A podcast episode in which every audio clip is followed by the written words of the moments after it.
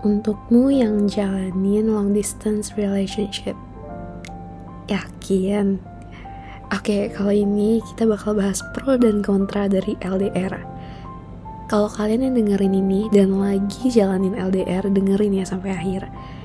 Ini menurut pengalaman aku dan orang-orang sekitarku, jadi ini true story. Kita bahas dari manis-manisnya dulu deh. Pro yang pertama. Ikatan emosionalnya itu lebih bagus karena gini, orang yang berhubungan jarak dekat sebenarnya kadang-kadang malah lebih sering ngerasa, duh dia sayang gak sih sama gue atau dia cuma kesepian ya. Nah, kalau LDR udah pasti alasannya karena sayang.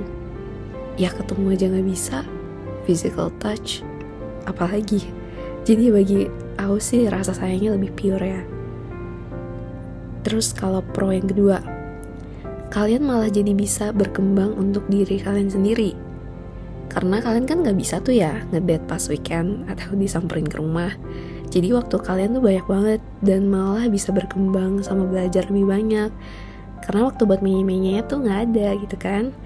Terus pro yang ketiga, kalian lebih apresiasi waktu kalian pas ketemu.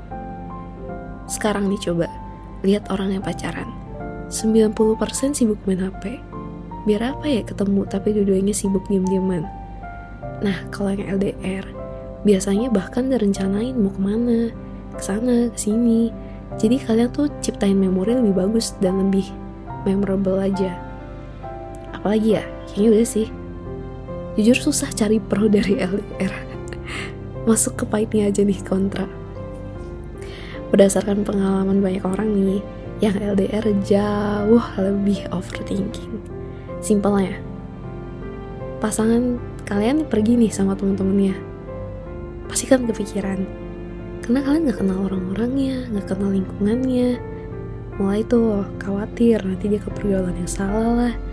Takut dia kenapa-napa juga. Ya, dan masih banyak lagi. Belum lagi kepikiran nanti kalau dia ketemu orang lebih baik gimana ya. Kalau dia bosan terus ketemu yang perhatian gimana ya. Ibaratnya gini, pasangan kamu nangis, kamu cuma bisa tenangin dari suara telepon. Mentok cuma bisa video call. Tapi ini deket dia, bisa pusar matanya. Bisa puk-puk dia. Ayo.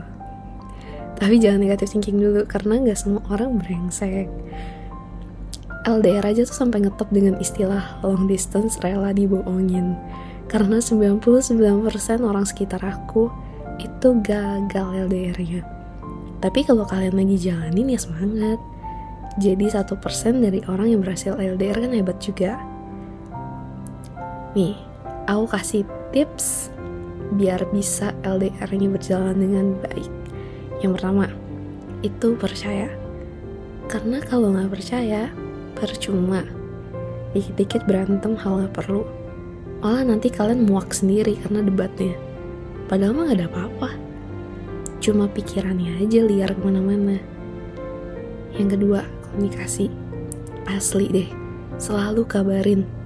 Simple banget padahal, gak ribet juga. Cuma buat 15 detik lah buat chat kalian lagi di mana sama siapa. Kalau kalian kabarin aja tuh udah bikin pasangan kalian tuh lebih tenang dan gak mikir aneh-aneh gitu.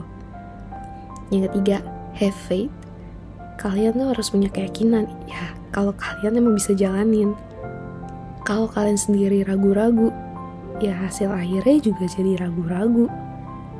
Yang terakhir itu kemauan dari diri kalian sendiri.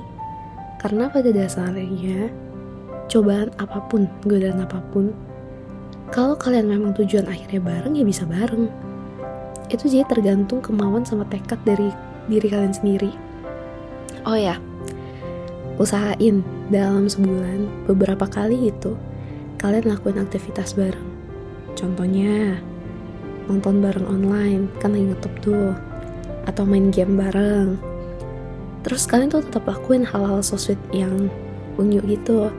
Kayak misalnya kalian kirim bunga atau makanan ke pasangan kalian, kan bisa tuh. Titip temennya kek atau gimana.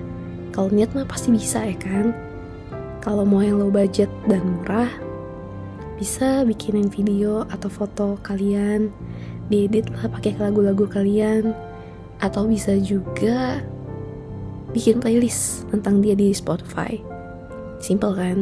Ya, memang butuh effort sih. Tapi oke okay lah buat pertahanin hubungan. Ya udah podcast yang singkat padat jelas ini semoga bisa bantu para pejuang LDR ya. Semangat. Semoga bisa jadi satu persen yang berhasil. Buktiin kalau jarak itu bukan segalanya. Bye bye.